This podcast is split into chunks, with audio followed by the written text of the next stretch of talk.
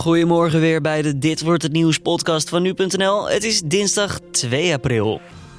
In de extra beveiligde rechtbank van Amsterdam, de bunker uh, heet die ook wel, zal Willem Holleder vandaag de gelegenheid worden geboden om het laatste woord te voeren. Het is namelijk de 61ste zittingsdag en tevens de laatste dag van het proces.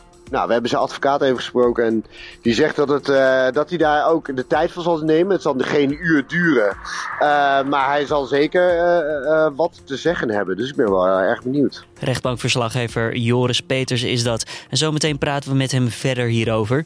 Eerst eventjes kort het belangrijkste nieuws van nu. Het Britse Lagerhuis heeft maandagavond opnieuw geen meerderheid gevonden voor een van de vier alternatieve Brexit-plannen.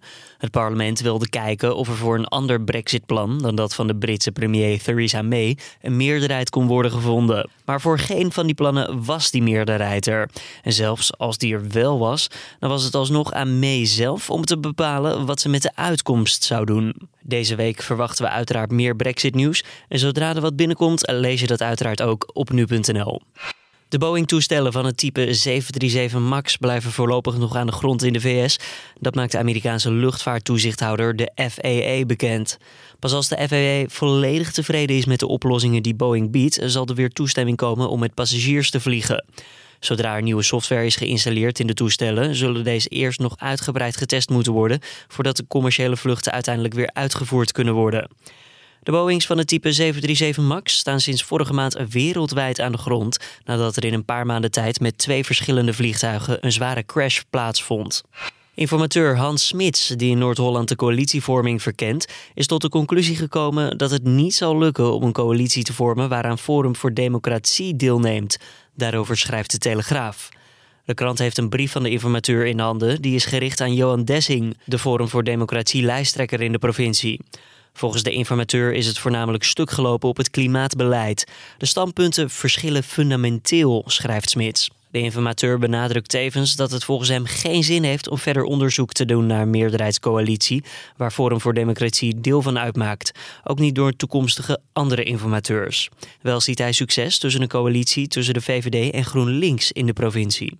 Het stoffelijk overschot dat de politie maandag vond in het gezonken binnenvaartschip Cardium is van de stuurman van het schip. Dat bevestigt de politie. De 43-jarige Filipijnse stuurman was vermist sinds het zinken van het binnenvaartschip op de Westerschelde drie weken geleden. Zijn lichaam werd gevonden tijdens de bergingswerkzaamheden. Het schip vervoerde zand toen het water maakte en daarna helemaal zonk. Volgens de veiligheidsregio waren er destijds twee mensen aan boord. Eén daarvan, de 39-jarige eigenaar van het schip, is door een te hulp geschoten boot uit het water gehaald. De kustwacht en de politie hadden een zoekactie naar de stuurman vervolgens ingesteld, maar dat leverde niets op. En dan gaan we door naar ons verhaal van deze dinsdag.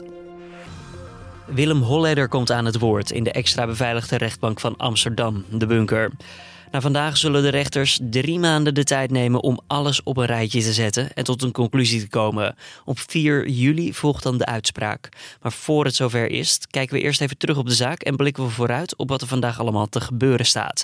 En dat doet Carné van der Brink in gesprek met de rechtbankverslaggever van nu.nl, Joris Peters. Joris heeft deze zaak op de voet gevolgd. En de vraag van Carné is dan: welk gevoel heeft hij op deze dag? Het, het heeft iets bijzonders, maar het, daarom. Uh, ik ben ook wel gewoon benieuwd. Kijk, je weet natuurlijk wel een beetje wat Holleder gaat zeggen. In ieder geval dat hij niet verantwoordelijk is voor de dingen die hem te lasten wordt gelegd. Maar het voelt een beetje inderdaad het laatste woord als een afsluiter. Hè? Nu uh, iedereen heeft zijn zegje gedaan. Los van Holleder. Uh, uh, en dan is het afwachten op de uitspraak die op 4 juli zal volgen.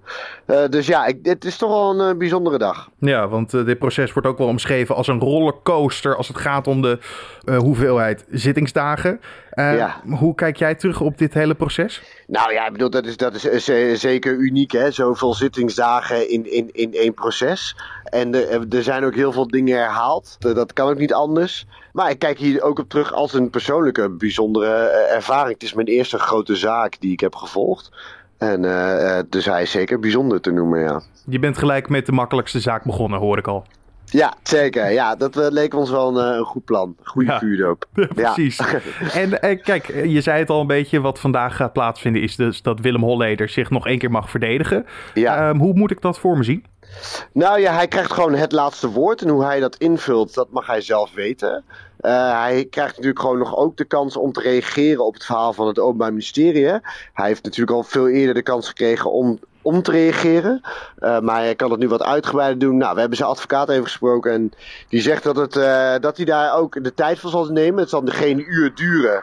Uh, maar hij zal zeker wat te zeggen hebben. Dus ik ben wel erg benieuwd. Ja, maar kan hij nog met zijn verhaal van vandaag nog iets bereiken, denk je?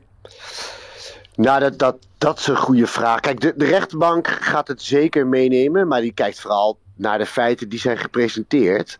Uh, en daar zullen zij, uh, nou, zoals ik al zei, de uitspraak is op 4 juli. Zij zullen er de nodige tijd voor nemen. Maar uh, een verdachte moet gewoon de gelegenheid krijgen om zichzelf te verdedigen. En, en dat ook in zijn eigen woorden te doen. Dus ja, dat, dat is gewoon belangrijk in een proces. Maar natuurlijk, in zo'n proces is dit ook een, een facet ervan. Er zit natuurlijk mm -hmm. nu heel veel media-aandacht aan vast, omdat het Willem Holleder is. Ja. Dat, maakt, dat maakt het natuurlijk ook wel opmerkelijk in deze zaak, dat hij ja. een keer gaat spreken. Tuurlijk, dat, dat is het. Kijk, wat hij het gaat zeggen is misschien niet nieuw. Hè? We weten dat hij gaat zeggen dat hij het niet heeft gedaan. Maar het feit dat hij wat gaat zeggen is gewoon in dit hele Holleder-proces is nieuws. Dus dat gaan wij ook brengen. En het Openbaar Ministerie uh, heeft natuurlijk levenslang geëist tegen Willem Holleder. Ja. De advocaat eh, van Holleder, Sander Jansen, heeft in het pleidooi juist voor een volledige vrijspraak uh, gepleit, gevraagd. Ja. Um, ja, dan ben ik toch wel benieuwd. Wat zijn volgens hun dan de grote verschillen tussen uh, uh, ja, bijvoorbeeld het bewijsmateriaal wat er is? Ja. Waar, waar zien zij bijvoorbeeld de grote verschillen? Nou ja, het komt er eigenlijk op neer dat het OM heel duidelijk aanwijzingen ziet. Uh, laat ik het kort samenvatten, hè, want anders wordt deze podcast weer heel erg lang. Het gaat erom dat het OM duidelijk ziet dat er twee groepen, zogenaamde moordcommando's, uh, terugkomen bij al die moorden die Holleder worden te last worden gelegd. En zij zien een duidelijke link tussen die twee moordcommando's en Holleder. Oftewel dat hij ze heeft aangestuurd. De verdediging zegt: ho ho, dit is veel te makkelijk. Er zijn ook heel veel andere alternatieve scenario's te bedenken waardoor deze mensen, uh, of wie deze mensen vermoord kunnen hebben. En dat wordt gewoon te makkelijk tezijde geschoven, maar het is gewoon niet stellig en overtuigend bewezen dat Holleder uh, te koppelen is aan deze moorden. En dat moet als je iemand wil veroordelen. En daar vragen zij een volledige vrijspraak. En de advocaten in de pleidooi hebben eigenlijk verteld over Astrid Holleder en hoe zij naar haar getuigenissen kijkt. Uh, zij zou volgens hen vergaande kenmerken van een posttraumatische stressstoornis hebben. Maar van die opvatting was het OM niet echt onder de indruk, hè? Nou, ik bedoel, uh, sterker nog, ze waren er gewoon eigenlijk absoluut niet van gediend. Hè? Ze vonden het uh, niet chic dat, uh, dat Sander Jansen dit, dit naar voren bracht. en ze vonden het gewoon pertinente onzin. en ze hebben zich ook eigenlijk ook gewoon verder gedistanceerd van een inhoudelijke reactie, omdat ze het zo, zo'n waanzin vonden eigenlijk. Daar kwam het op neer.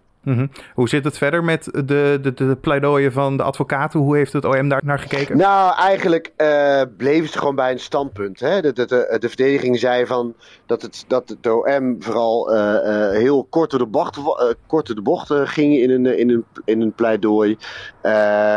en zij, in een reactie op weer wat de verdediging heeft gezegd hebben ze het eigenlijk ook kort gehouden. En daar waren meerdere dagen voor uitgetrokken. Maar ze waren geloof ik in een paar uurtjes klaar. Met gewoon, wij blijven wat wij wij blijven bij wat wij hebben eerder hebben verteld. Uh, heeft niet een levenslange gevangenisstraf. En wij hebben goed onderbouwd waarom. Uh, en daar laten we het bij. Ja, blijft bij standpunt inderdaad volgens de ja. uh, vandaag zullen dus de advocaten en, en Holleder zelf nog mogen reageren. Uh, dan pas drie maanden later volgt de uitspraak, om precies te zijn op 4 juli. Ja, dat is wel de planning. Wat gebeurt er in die drie maanden? Nou, dan gaat, gaat de, rechtszaak, of de rechtbank die gaat natuurlijk uitgebreid een tijd nemen om een, om een oordeel te vellen in deze zaak. Je kan je voorstellen dat iedereen is gericht hè, op die uitspraak. Wat gaat het worden? ja, dan ga je daar wel de tijd voor nemen. Even los van het feit dat dit uh, dossier enorm omvangrijk is. Dus dat doe je niet even in, in een paar dagen, laat staan een paar weken. Is dan drie dus maanden juist lang of juist kort eigenlijk? Ja, dat, dat vind ik een moeilijke vraag om te, uh, om te beantwoorden. Kijk, normaal gesproken is een oordeel eerder. Maar met dit, met dit dossier ja. begrijp ik het heel goed dat je daar zeker drie maanden voor neemt. Ja, maar dan in juli weten we dus het oordeel van de rechter. Uh, ja. Kunnen we op die dag ook gelijk het dossier opbergen? Of Nee. Is er dan nog ruimte voor een hoger beroep? Nee, ja, dat, dat, kijk, dat kan ik je nu ook al vertellen. Dat gaat er sowieso komen. Ja.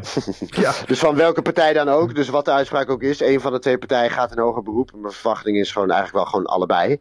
Ja, of het moet volledige vrijspraak worden, dan zal de verdediging rusten. Maar uh, nee, nee, verwachten we. Schrijf maar op, er komt een hoger beroep. Dus je bent er nog niet vanaf, Joris? Nee, zeker. Nee, we zijn er met z'n allen niet vanaf. Nee. Rechtbankverslaggever Joris Peters hoorde je. En zoals gezegd, de uitspraak die volgt op 4 juli. En later vandaag nog een bericht over deze laatste procesdag. En wat staat er dan verder vandaag te gebeuren? Nou, de 31-jarige Bekir E, die wordt verdacht van het doodschieten van de 16-jarige scholier Humera, verschijnt dinsdag voor de eerste keer voor de rechter. Tijdens een niet-inhoudelijke zitting hoort hij dan waarvan het Openbaar Ministerie hem precies verdenkt. Esau Humera op 18 december vorig jaar hebben doodgeschoten in de fietsenstalling van het Design College in Rotterdam. De politie pakte hem kort daarna in de buurt van de school op. En in de Verenigde Staten hoort Michael Flynn, de voormalig nationale veiligheidsadviseur van president Donald Trump, welke straf hij krijgt opgelegd voor het liegen tegen de FBI over zijn contacten met de Russische ambassadeur in Washington. Generaal Flynn moest al na 24 dagen opstappen omdat hij ook de vicepresident zou hebben misleid over zijn contacten met de Russische diplomaat. Flynn werd als het gevolg van het Rusland-onderzoek van Robert Mueller aangeklaagd. En dan kijken we ook nog eventjes naar het weer voor deze dinsdag. Het is wisselend bewolkt en in de loop van de dag neemt vanuit het zuidwesten de kans op buien wat toe. Vooral in het binnenland met kans op onweer en zware windstoten. De temperatuur ligt tussen de 14 en 16 graden. En dan zijn we er bijna, maar nog net niet. Het AD heeft opgevraagd wat het veranderen van de namen van ministeries en het wijzigen van hun taken het huidige kabinet heeft gekost. Sinds Rutte 3 zijn er wat veranderingen geweest bij de namen en invulling van het takenpakket. In totaal ging het om een kostenpost van 31,7 miljoen euro. Het grootste deel, ruim 26 miljoen euro, ging naar het opgerichte ministerie van Landbouw, Natuur en Voedselkwaliteit. Maar een andere kostenpost kwam van het ministerie van Justitie en Veiligheid. Het ging om het omdraaien van twee woorden en dat heeft volgens de krant 2 miljoen euro gekost. Tot 2017 heette dat ministerie namelijk niet het ministerie van Justitie en Veiligheid, maar het ministerie van Veiligheid en Justitie. En dit was hem dan, de Dit Wordt Het Nieuws podcast van deze dinsdag 2 april. Je vindt de podcast zoals gezegd elke ochtend om 6 uur ochtends op de voorpagina van nu.nl. Laat ons weten wat je ervan vindt. Feedback kan je sturen naar podcast.nu.nl. We lezen het en we bespreken het en we evalueren het allemaal. Ik zou uh, willen zeggen, tot morgen weer graag op de woensdag.